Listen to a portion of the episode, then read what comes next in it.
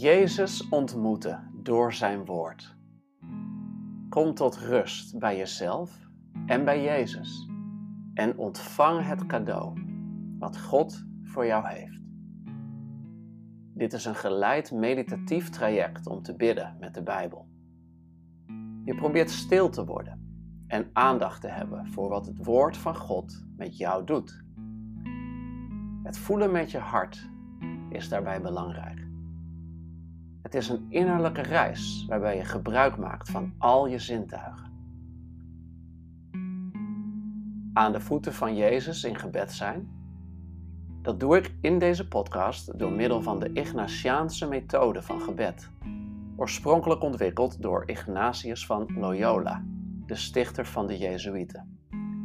Ik gebruik daarbij de tien stappen van het bidden met de Bijbel deze kun je naluisteren in de introductieaflevering. Je kan ze ook lezen in de beschrijving van deze aflevering. Zoek een rustige plek op met een Bijbel en een notitieblok. Adem diep in en adem uit. Hier ben je, aan de voeten van Jezus. We gaan beginnen.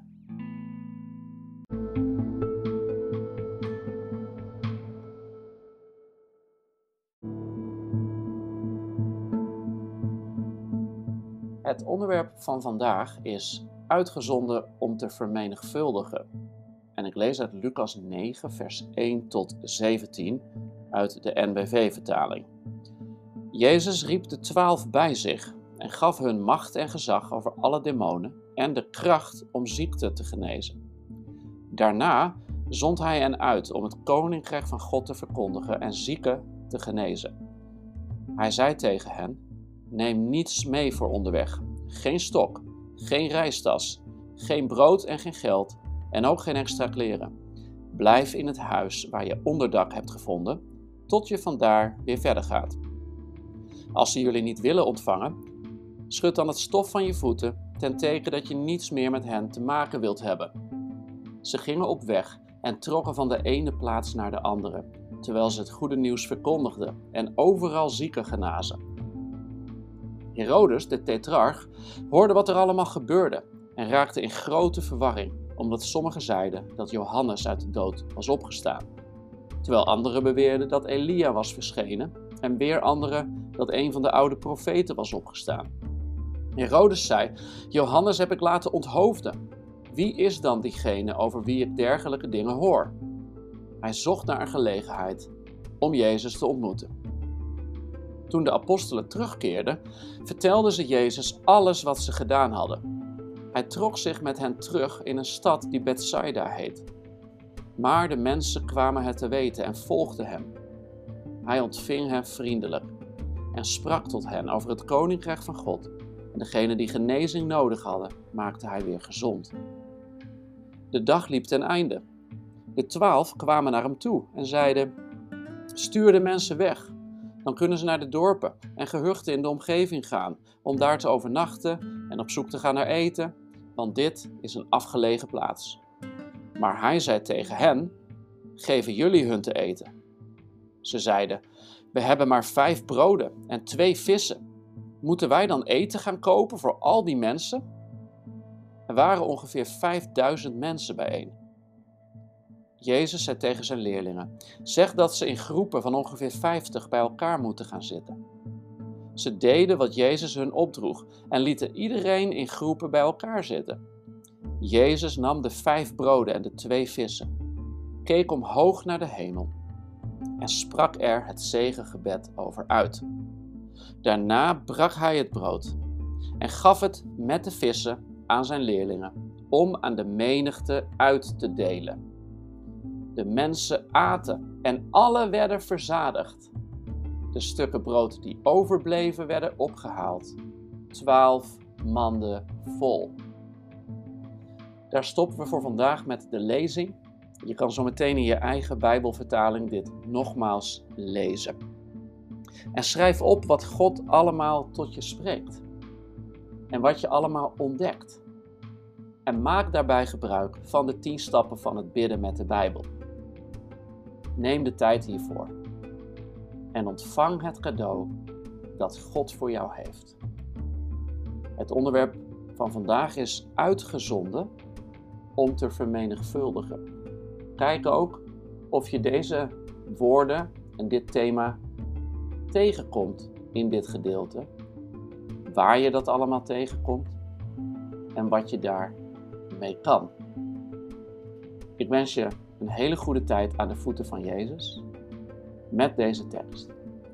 Je kunt deze aflevering dus nu pauzeren, dit zelf gaan doen en dan op een later moment terugkeren naar de rest van deze aflevering waar ik zal delen wat ik ontving aan de voeten van Jezus.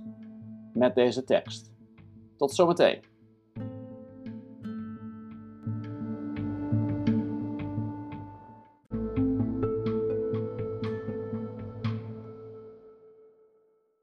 Geloof dat je een mooie tijd hebt gehad met de tien stappen van het Ignatiaanse gebed.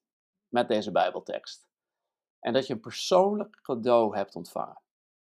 Dat je ervaarde dat Jezus bij je was. En uh, ja, ik ben benieuwd wat jij eruit hebt gehaald. Voor iedereen anders, ook voor elk moment weer anders. En je kan deze tekst lezen en een jaar later er iets totaal anders uithalen.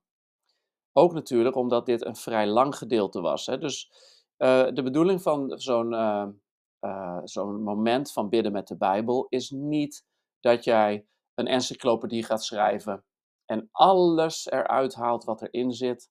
En dat je elk woord onderzoekt en een hele grote theoretische Bijbelstudie doet. Nee, de bedoeling is dat jij jouw oog, jouw geestesoog, laat trekken naar één punt waar God je wil hebben. dus misschien haal je uit dit hele lange tekstgedeelte maar één ding.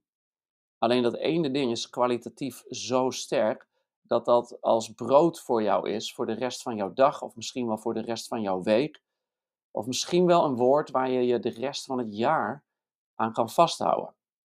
dus focus niet op kwantiteit terwijl je dit soort dingen doet, maar focust op kwaliteit. En, en misschien dat je een tekstgedeelte gewoon even laat liggen en dat je, omdat God jouw uh, oog inzoomt op één specifiek woord of zin of gebeurtenis, dat je daar dan mee bezig mag gaan. En dat je dat ten diepste op je laat inwerken. Dus wat was het voor jou? Was het het gedeelte over de uitzending van de twaalf die macht en gezag krijgen over demonen? Was dat het wat er uitsprong? Was het het misschien het gedeelte over Herodes en de mensen die zich afvroegen wie is Jezus? En Herodes die naar een gelegenheid zoekt om met Jezus te zijn? Was het dat uh, Jezus en zijn leerlingen zich terugtrekken en vervolgens de mensen naar hem zoeken en dan hij hun ontvangt en hun zieken geneest? Of was het het laatste gedeelte, en ook een van de bekendste gedeeltes, dat ging over het feit dat de mensen moe zijn en honger hebben en dat er wel 5000 man zijn die eten nodig hebben en onderdak. En dat Jezus de leerlingen uitdaagt: jongens, geven jullie hun maar te eten. En vervolgens de wonderbaarlijke vermenigvuldiging van de vijf broden en de twee vissen. En de twaalf mannen die overblijven. Nou, voor iedereen is het anders. En daarom is dit ook heel persoonlijk. En dus wat ik ga delen, ongetwijfeld zal ik dingen zeggen die jij er niet uit hebt gehaald. En ongetwijfeld heb jij er dingen uitgehaald die ik er nu niet uithaal of nu niet benoem. Dus dit is altijd een momentopname Um, desalniettemin mogen we elkaar inspireren met het woord van God. En zal ik jou nu ook delen wat ik heb ontvangen. En mag dat ook jou tot zegen zijn. Oké, laten we vanaf boven naar beneden doorheen gaan. Uh, wat mij meteen opviel is het getal 12. Je weet, ik hou van getallen. Ik heb het eerder gedeeld. Ik heb zelfs een hele, heel uh, hele aflevering, uh, aflevering gewijd aan het getal 12 en dat dat ook staat voor autoriteit in de Bijbel. De twaalf stammen van Israël spreken van, van Gods gezag en Gods autoriteit. Hij kiest twaalf discipelen, twaalf apostelen, twaalf fundamenten van de kerk. Dus overal waar je 12 ziet, dan mag je weten dat gaat over Gods heerschappij en Gods gezag. En dus, wat mij opviel, is dat hier staat, hij riep de twaalf bij zich. Eerste gedeelte van dit, uh, of eerste stuk van dit gedeelte. Ehm, en het laatste stuk is, twaalf manden vol. Hij riep de twaalf bij zich, twaalf manden vol. Dus dit stuk wordt omringd door het getal twaalf. En dat spreekt van gezag. En meteen gaat het ook over gezag. Want hier staat, hij gaf die twaalf macht en gezag over alle demonen en de kracht om ziekte te genezen. Dit is heel belangrijk, wat we, dat we zien het verschil tussen macht en kracht. Dat heb ik hier omcirkeld en uh, uitgewerkt, want ik dacht bij mezelf, ja, hij geeft hun macht en kracht. Het lijkt op zichzelf uh, een soort opsomming die misschien wel overbodig is. En als je macht hebt, heb je toch geen kracht nodig, want je hebt toch al macht. En als je kracht hebt, dan heb je toch geen macht nodig. Waarom, ik bedoel, is dit een, is dit een willekeurige opsomming waarvan sommige woorden eigenlijk overbodig zijn? Of is het essentieel om zowel macht als kracht te hebben? Nou, wanneer je gaat opzoeken wat de definities daarvan zijn, dan kom je erachter dat beide iets verschillends zijn, maar elkaar wel aanvullen. Wat is macht? Macht is gedelegeerde autoriteit. Dan kun je denken aan de politieagent die een vrachtwagen tegenhoudt met zijn hand. Er komt een vrachtwagen aan, maar de politieagent die stapt de weg op uh, eh, 300 meter voordat die vrachtwagen bij hem is en deze agent steekt zijn hand in de lucht. Hij is in zijn uniform en hij steekt zijn hand in de lucht. Hij maakt het stopgebaar richting de vrachtwagenchauffeur. En hoewel de vrachtwagen vele malen sterker en zwaarder is dan de agent en hem ook makkelijk zou kunnen overrijden, stopt de vrachtwagen. Waarom? Niet vanwege kracht, maar vanwege macht. Dus macht spreekt van gedelegeerde autoriteit. De overheid heeft macht gegeven aan deze agent en deze agent vertegenwoordigt het hele overheidsapparaat. En dus zijn macht is dat hij gedelegeerde autoriteit heeft. Het hele overheidsapparaat staat achter hem. Um, maar laten we eerlijk zijn, heeft hij ook kracht ten opzichte van die vrachtwagen? Nou, absoluut niet. Want als die vrachtwagen wil, dan rijdt hij door en dan rijdt hij dwars over die agent heen. Dus die agent heeft wel macht, gedelegeerde autoriteit, maar geen kracht.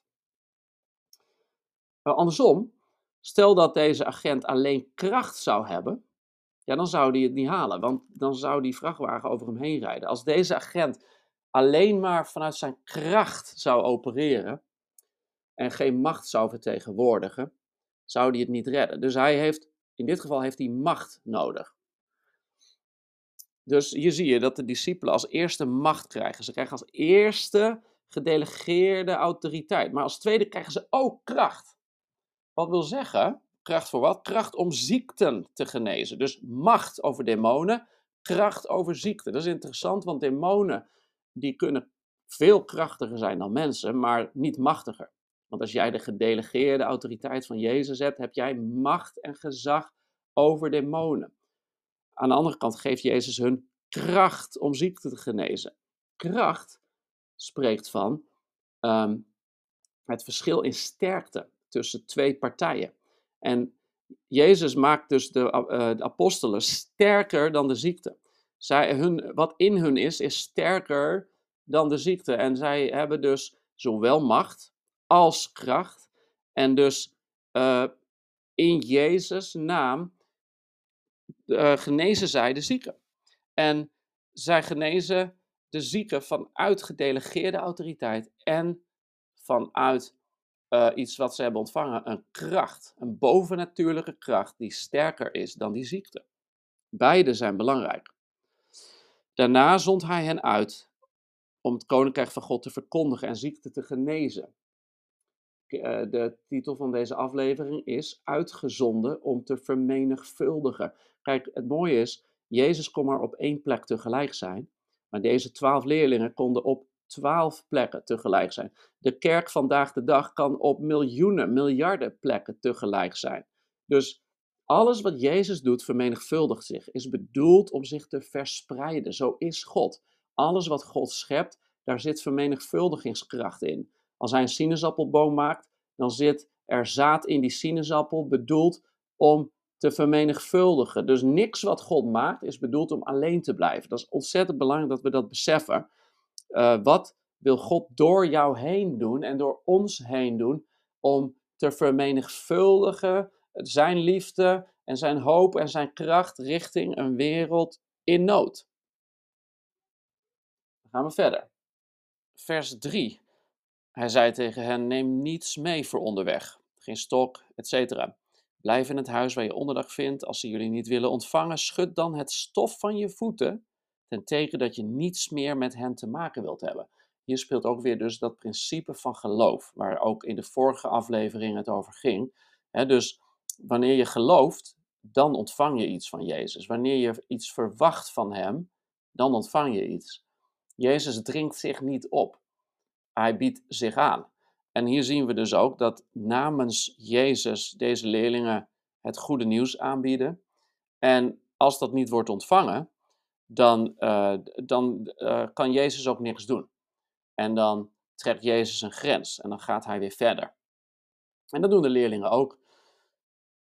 Vers 6. Ze gaan op weg, trekken van de ene plaats naar de andere, terwijl ze overal het goede nieuws verkondigden en overal zieken genazen. Dit is toch mooi? Goed nieuws is niet alleen woorden, maar het is ook daden. Dus als je zegt, er is goed nieuws, God geneest de zieken, maar vervolgens genezen er geen zieken, dan heeft dat goede nieuws, wordt niet bevestigd door de tekenen. Wordt niet bevestigd door de wonderen waarmee het gepaard zou mogen en moeten gaan. Ehm, de focus hoeft niet te zijn op de wonderen, de focus is op Jezus, maar de wonderen zijn een teken, een teken dat Jezus de weg, de waarheid en het leven is. De wonderen zetten hun getuigenis kracht bij. Nou, Herodes hoort daarvan en dan is er verwarring. Hoe kan dat nou? Is Johannes uit de dood opgestaan? Is het Elia? Is het een van de oude profeten? En Herodes zoekt de gelegenheid om hem te ontmoeten. Komt een beetje, kwam op mij een beetje uh, sneaky over, een beetje geniepig. Hè? Hij, hij zoekt een gelegenheid. Hij wil eigenlijk ook wel met zo iemand ontmoeten. Zo'n belangrijk iemand die belangrijke grote dingen doet.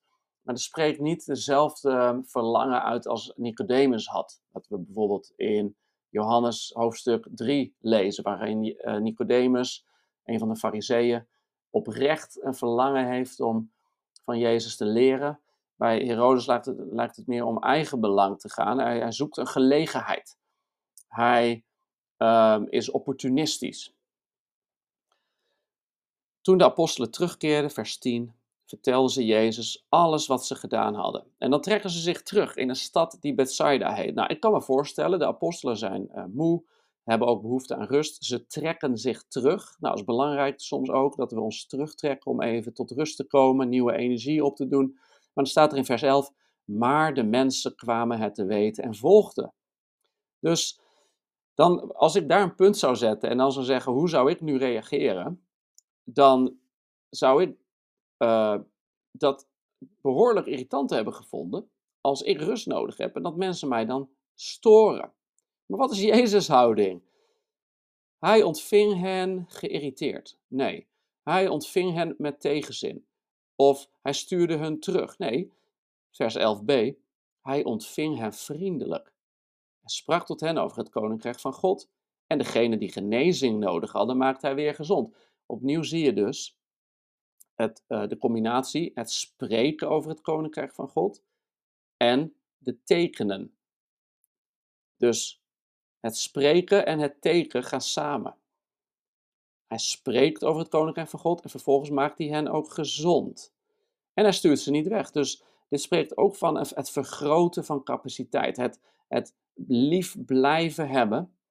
En het, uh, het God vragen om kracht en, en geduld om toch deze mensen te bereiken. En Jezus zal zich op een ander moment weer terugtrekken. Het is niet dat hij zich nooit terugtrok, want dat is belangrijk. Alleen nu vraagt hij om extra genade voor dit moment. Dat mogen wij ook doen. Wij worden soms gestoord, maar dan mogen we ook leren om, om genade te vragen voor de mensen die ons nodig hebben. Vers 12, dan, en dan, dan vanaf vers 12 gaat het over de mensen die honger hebben. En dan zegt Jezus tegen zijn leerlingen: geven jullie hun te eten. Is dat niet vaak wat, wat God met ons doet? Hè? Als wij een probleem zien, dan zeggen wij tegen God, als het ware: God, los het op. En zegt God tegen ons: nee, lossen jullie het maar op. Wij zijn een verlengstuk van Jezus. Wij zijn zijn handen en voeten. Hij is het hoofd, wij zijn zijn lichaam. Hij zendt ons uit om te vermenigvuldigen. En dan, zeggen ze, dan ze op wat ze niet hebben. Ze zeggen, ja hallo, we hebben hier maar vijf broden en twee vissen, maar dat is nooit genoeg, want deze 5000 mensen zijn er, dus ze focussen op het tekort. En Jezus focust andersom. Hij is altijd van het omdenken, hij focust op wat ze wel hebben. Oh, mooi. Vijf broden en twee vissen. Geef maar hier, daar kan ik wat mee. En wat gaat hij dan doen? Hij gaat naar boven kijken, naar de hemel. Hij spreekt een zegengebed uit. En daarna breekt hij het brood en geeft hij het met de vissen. Dus hij kijkt omhoog, dankt en breekt. Dankt en zegent en breekt. En, en dan geeft hij het aan de leerlingen om uit te delen. En dan komt er een wonderbaarlijke vermenigvuldiging. Dus Jezus zendt uit om te vermenigvuldigen. Heel praktisch hier ook. Dus niet alleen de geestelijke dingen of het wegdrijven van demonen, maar ook de praktische dingen. Die gaan hand in hand. Dit hoofdstuk begint met, of dit gedeelte begint met iets geestelijks, demonen uitdrijven, etc. En het eindigt met iets praktisch, brood. En voor God zijn beide even belangrijk. Hij is de God van het lichaam, de ziel en de geest. Hij is de God die jou als holistisch persoon benadert. Een drie in één wezen, geest, ziel en lichaam, net als God zelf een drie in één wezen is. En dan treedt die vermenigvuldiging op. Van die vijf broden en die twee vissen. En die vermenigvuldiging treedt op terwijl Jezus omhoog kijkt. Dus ook wij mogen omhoog krijgen om de dingen die God aan ons heeft gegeven te vermenigvuldigen richting de ander. Dat is een, een proces waar je Gods zegen over nodig hebt. Wat je niet zelf kan doen. Maar het is wel iets wat God ons oproept om te doen. Hij wil niet dat het bij ons blijft liggen. Hij wil dat wat wij ontvangen, dat wij het vermenigvuldigen naar de wereld om ons heen. Dus wat is er wat jij hebt, wat jij mag vermenigvuldigen? Want anderen zullen daarvan eten, zoals we hier ook zien, en verzadigd worden, vers 17. En dan eindigt het met de stukken brood die overgebleven werden, eh, die werden opgehaald. Twaalf manden vol. Weer het getal twaalf. Twaalf manden. En, en, en dan bedenk ik dit. Er zijn twaalf leerlingen. Die zijn getuigen van een wonder. Die hebben ook lange dagen achter de rug. Die hebben veel gegeven. Zij zijn de extra mijl gegaan, letterlijk. En aan het eind van die periode gaan ze laat op de dag naar huis. Elke leerling met zijn eigen mand. Twaalf manden, twaalf leerlingen. Ik kan me zo voorstellen dat Jezus zei, jongens, iedereen een mand. En ze gingen moe en voldaan naar huis en ze kwamen thuis, misschien bij hun vrouw of kinderen. Jee, papa is weer thuis. Met een mand vol brood. Wanneer jij je laat uitdelen, je laat uitzenden om te vermenigvuldigen, wordt er ook voor jou gezorgd. En wordt er ook richting jou alles vermenigvuldigd wat jij nodig hebt en meer. Jezus heeft altijd meer dan genoeg om uit te delen. Mogen dit jou tot zegen zijn? Volgende keer gaan we verder. Een fijne dag nog.